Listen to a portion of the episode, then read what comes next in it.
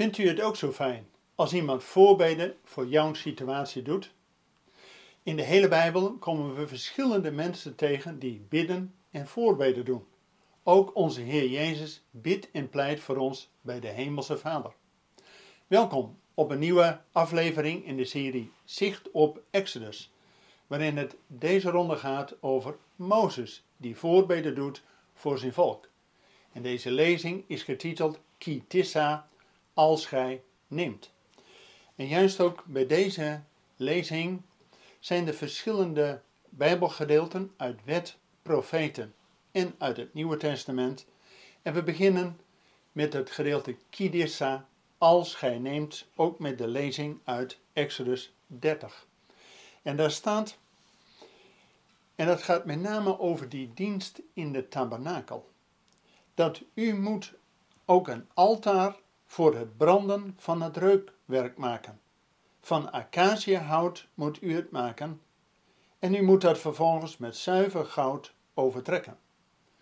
Dus Mozes krijgt hier expliciet opdracht om een reukoffer altaar te maken van hout, omgeven met zuiver goud. Want bij God is er geen namaak, echt goud wordt gebruikt in de dienst van de tabernakel.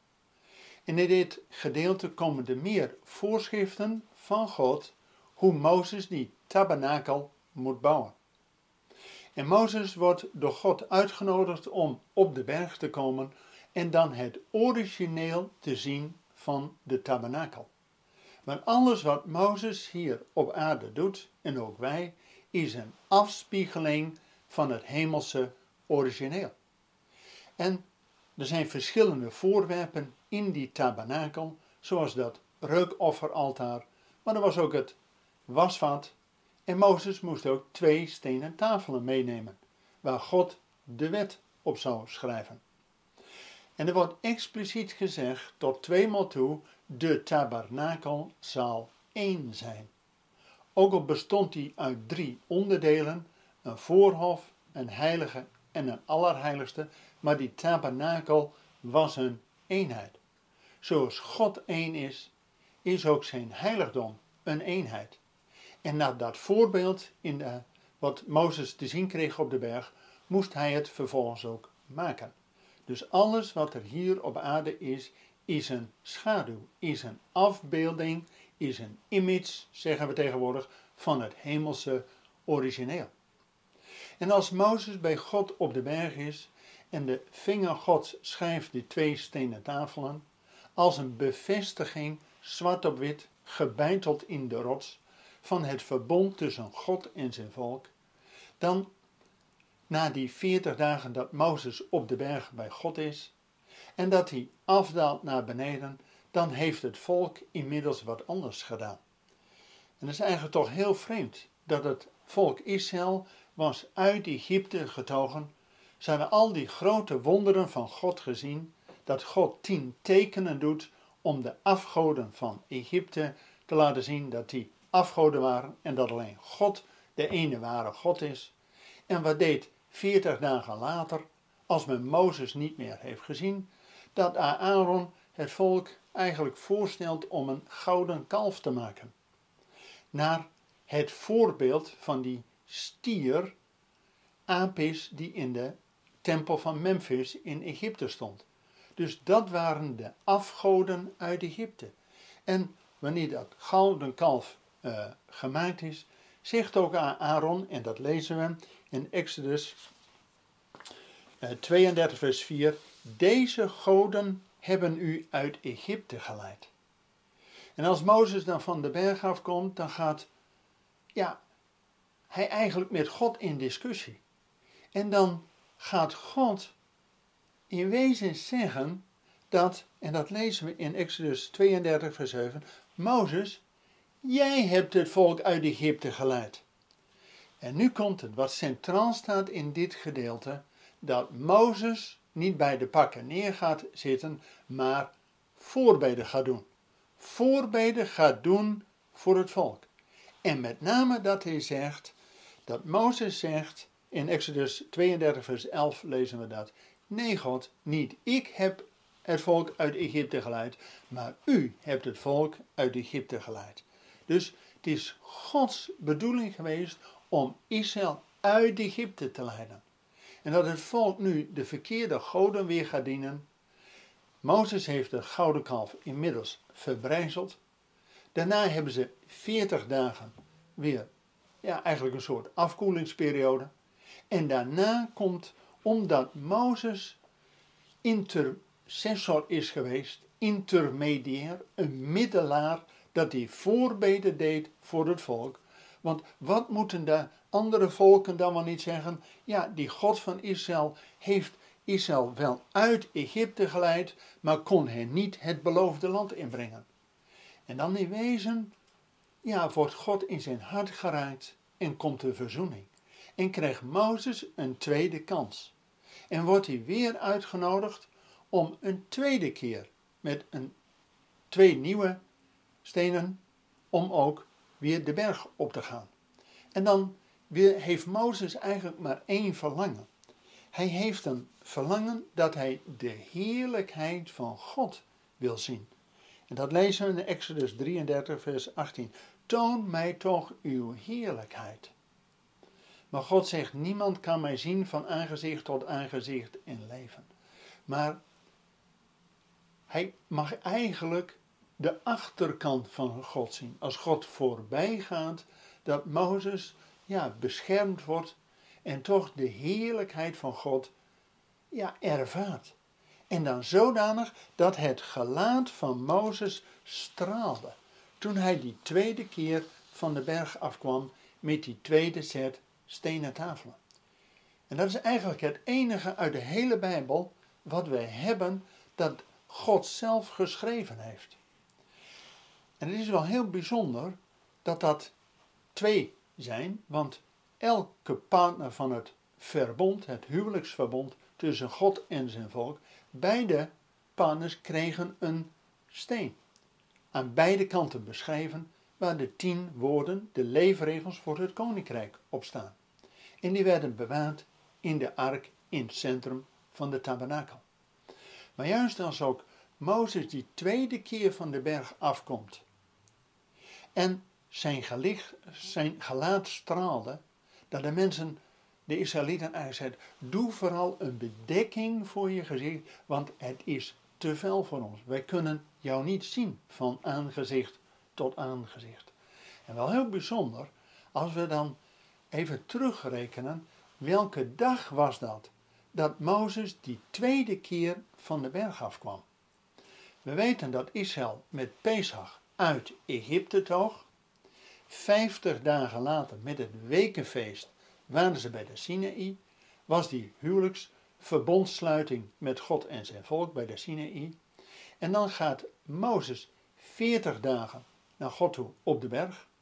Na veertig dagen komt terug en dan heeft het volk ja, die gouden kalf gemaakt, wat Mozes kapot slaat. En dan is er veertig dagen rust. En dan gaat Mozes een tweede keer 40 dagen de berg op. Dus hij komt 120 dagen na Pinksteren, het wekenfeest, weer van die berg af. En dat is precies, en dat is ieder jaar hetzelfde, komt precies op Yom Kippur, grote verzoendag van die berg af. Dus dat geeft in wezen al een geweldige symboliek dat wij vanuit de verzoening, grote verzoendag, het woord van God gekregen hebben. Wat gegrift is op stenen tafelen. Dus Mozes gaat met het volk ja, die hele tabernakel maken naar het voorbeeld wat God getoond had op de berg. En het volk ja, heeft daar ook de ontmoeting, de tent van samenkomst met God. En iedere keer mogen ze die tent naderen om tot God te naderen. En God geeft daarin ook voorschriften. Dat wordt eeuwenlang gevolgd. Alleen wanneer het volk eenmaal in het beloofde land is, ja, dan dienen ze ook wel eens de afgoden. Op een gegeven moment komt er een goddeloze koning, Agab, en die is notabene getrouwd met Izebel. En die doet alles wat God verboden had en verleidt het volk om de Baals en Astartes te dienen. Dus weg van het verbond met God. En dan lezen we in de profetenlezing uit 1 Koningen hoofdstuk 18 dat God er toch één profeet heeft uitgekozen om ook Agab en Isabel de wacht aan te zeggen. Na drieënhalf jaar droogte keert Elia terug naar Agab en hij zegt: laten we een geestelijke wedstrijd doen. Om te zien wie de ware God is. Is Baal de God, dien hem. Maar als de Heer God is, dien hem. En ga nou vooral niet op twee paden wedden, maar kies. Maar het volk antwoordde hem niet. En toch, Elia gaat de karmel op en ook de 400 Baalpriesters komen daar. En Elia geeft die Baalpriesters eerst de gelegenheid om een altaar te bouwen voor hun God en daar een heel ritueel uit te voeren. Maar de vraag in de, eigenlijk de geestelijke wedstrijd was, bouw een altaar, leg een offerdier erop, maar geen vuur. En de God die met vuur zal antwoorden, die zal God zijn. Dus het volk vindt dat prima. En die Baalpriesters zijn de hele dag druk om hun Baal te aanbidden en ze verwonden zich tot bloeders toe, maar er komt niks. En dan lezen we dat Elia, in Koningin 18 lezen we dat, ten tijde van het avondoffer. Even weer met Hebreeuwse oren, al vanuit de opdracht die God aan Mozes had gegeven, dat God wilde dat het volk tweemaal daags tot hem naderde en een offer bracht. Een ochtendoffer en een avondoffer. En het ochtendoffer wordt God de schepper aanwezen. Dat is het derde uur van de ochtend. In onze tijdsrekening, s ochtends 9 uur. En smiddags 3 uur wordt het avondoffer gedaan. En dan wordt God de herschepper, de vernieuwer aanbeden. En Elia begrijpt dat. En die kent de voorschriften van God. Dus ten tijde van het avondoffer, dat God herstel gaat geven, zegt Elia tegen al dat volk wat er is, kom bij mij. En dan gaat Elia het altaar voor de Heer herstellen, legt er een offerdier op en bidt tot God. En God antwoordt met vuur. En dan zegt het hele volk: De Heer is God, de Heer is God. En het is toch wel heel bijzonder dat juist in tijden van het avondoffer God herstel geeft. Dus ook een vernieuwing van het verbond tussen God en het volk. Als we ook die lijn doortrekken naar het Nieuwe Testament, ook van onze Heer Jezus Christus, dan was hij natuurlijk gezonden vanuit de Vader naar de aarde toe om herstel in verzoening te geven, zodat er een vernieuwing van het verbond zou zijn tussen God en het volk. En als Jezus ook aan het kruis hangt, was dat van het ochtendoffer tot het avondoffer. Want we lezen in de evangeliën dat het ochtends het derde uur was dat hij aan het kruis geslagen werd. En smiddags het negende uur, dus smiddags drie uur, dat hij de geest gaf. Met andere woorden, Jezus was aan het kruis van het ochtendoffer tot het avondoffer. Want we geloven ook dat Jezus al voor de schepping bij de Vader was. En dat hij met God als schepper aanwezig is. Dus hij wordt in het ochtendoffer als schepper aanbeden. Maar zijn woord van het is volbracht, van verzoening en van herstel met de relatie tussen ons en God, deed hij ten tijde van het avondoffer. En we weten dat Mozes die wilde graag de heerlijkheid van God zien. En toen hij van die berg afkwam, straalde hij. Als wij ook dit doortrekken naar het Nieuwe Testament, we weten dat Jezus geboren is en dat we lezen in Johannes hoofdstuk 1 dat ja, het woord is vlees geworden en we hebben zijn heerlijkheid gezien, de heerlijkheid van de enige geboren zoon van de Vader, vol van genade en waarheid. Dus Jezus kwam al om van die heerlijkheid van God op aarde te getuigen. En ook als we het verhaal lezen van de verheerlijking op de berg, dat Jezus de berg opging en daar zijn drie discipelen, Petrus, Johannes en Jacobus, meenam als een getuige, dat Jezus omringd wordt door Mozes en Elia, wet en profeten. En dat ze spreken over zijn exodus, over zijn uittocht die hij te Jeruzalem zal volbrengen.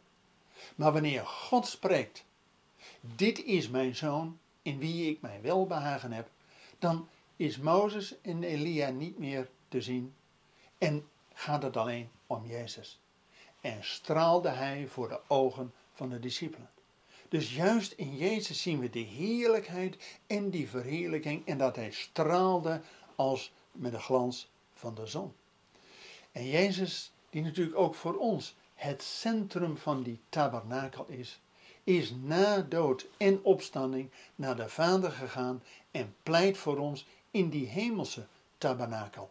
En daarom is hij ook ja, degene ja, die bij de Vader in die hemelse heerlijkheid is, om ons ook dat bekend te maken. Door zijn Heilige Geest, die hij vanuit de Vader, vanuit die heerlijkheid van God, naar ons gestuurd heeft. En als we de lijn ook doortrekken van Mozes, Elia en Jezus, wet, profeet, Nieuw Testament, uiteindelijk ook naar ons. Wat is het dan voor toepassing voor ons? Dan zegt de Bijbel dat wij een brief zijn van Christus, geschreven niet met inkt, maar door de geest van de levende God. Lezen we in 2 Korinther 3, vers 3. En dan verder, dat wij niet op stenen tafelen, maar op tafelen van vlees, van de harten, dat Gods geest daarin is uitgestort. Dus alles wat we ook van die tabernakel in de eredienst uit het eerste verbond met Mozes mogen ja, leren. En over die stenen tafel, dat het de lijn wordt doorgetrokken, dat Gods geest die door Jezus is uitgestort, ook in ons hart, dat het in wezen op, op, niet op de stenen tafel, maar op ons hart is geschreven. En dat wij een heerlijkheid, een tempel van de Heilige Geest zijn. En dan gaat het nog verder, ook in 2 Korinthe 3, vers 18, waar staat: Wij allen nu, die met een onbedekt gezicht de heerlijkheid van de Heer als in een spiegel aanschouwen. Met andere woorden, de heerlijkheid die Mozes graag wilde zien, is door Jezus en zijn geest zichtbaar voor ons. Dat wij niet met een bedekt gelaat maar met een onbedekt gelaat de heerlijkheid van de Heer mogen aanschouwen. En ook mogen doorgeven. En dat is natuurlijk ook de toepassing voor ons, want dan staat er in 2 Korinthe 3, vers 13: Wij worden van gedaante veranderd naar hetzelfde beeld van heerlijkheid tot heerlijkheid, zoals dit door de geest van de Heer bewerkt wordt. Mensen, dus God heeft ook een hoge geestelijke roeping. Ja, voor ons in petto. Dat wij niet leven alleen in het zichtbare, maar doordat wij door Gods geest worden aangereikt, dat we de heerlijkheid God, van God mogen zien en dat we ook zelf vernieuwd worden in dat beeld. En dat kan alleen dat Gods geest dat voor ons doet. En als het in deze parasha gaat over ja, de voorbeden die een Mozes deed, een voorbeden die Elia deed, een voorbeden die Jezus nog steeds doet voor ons in de hemelse tabernakel, dan is natuurlijk ook de roeping en de uitdaging voor ons, waar bidden wij voor? Als we alleen voor onszelf en onze eigen nood bidden, is dat prima. Maar God wil ons ook in de bediening op een hoger plan hebben. Dat we voorbeden mogen doen. En juist ook als christelijke ambassade Jeruzalem, dat we voorbeden doen voor het volk van God. Wij die al die zegeningen via Israël ontvangen hebben, dat we zeker ook hen in gebed voor de troon van God brengen. En als christelijke ambassade zijn we al ja, in deze hele corona-situatie twee jaar geleden begonnen met een global prayer, dat we wereldwijd verbonden zijn via Jeruzalem dat we iedere woensdagmiddag van 3 tot 5 bidden voor Israël, voor het Midden-Oosten en ook voor ons eigen land. En dat doen we iedere week, maar ook aan het begin van iedere maand. En dan met de Hebreeuwse kalender, het nieuwe maangebed, of in het Hebreeuws het Rosh Godes gebed. En het begon twee jaar geleden heel eenvoudig met acht uur. Inmiddels is dat uitgegroeid. Ja, dat is dan ook het voordeel als je als christenambassade in 140 landen zit, dat er 140 landen ook mee willen doen. En die allemaal een één of twee uur gebed nemen, dan zit je makkelijk en heel snel dat de klok rond is. Dus nu bidden we aan het begin van iedere Hebreeuwse maand een week lang, zeven dagen lang, 24-7, voor Israël, het Midden-Oosten en ook voor je eigen land. En het is geweldig om ook als Nederlanders daarin mee te doen. En dat hij het stokje overkrijgt van zeg maar Maleisië. En daarna gaat het naar Zimbabwe of naar Peru of noem maar op. Dus je leert zelf zoveel door het gebed. En dat we verenigd zijn via Jeruzalem in het gebed voor Israël, het Midden-Oosten en ook voor je eigen land. En daar willen we graag u ook een filmpje van laten zien over dat gebedswerk en de gebedsgolf die al een aantal jaren bezig is. En dat we daar in die gebedsgolf van God mogen meedoen. Zodat het voorbeden, het intercessorgebed, ook opklinkt tot de hemel.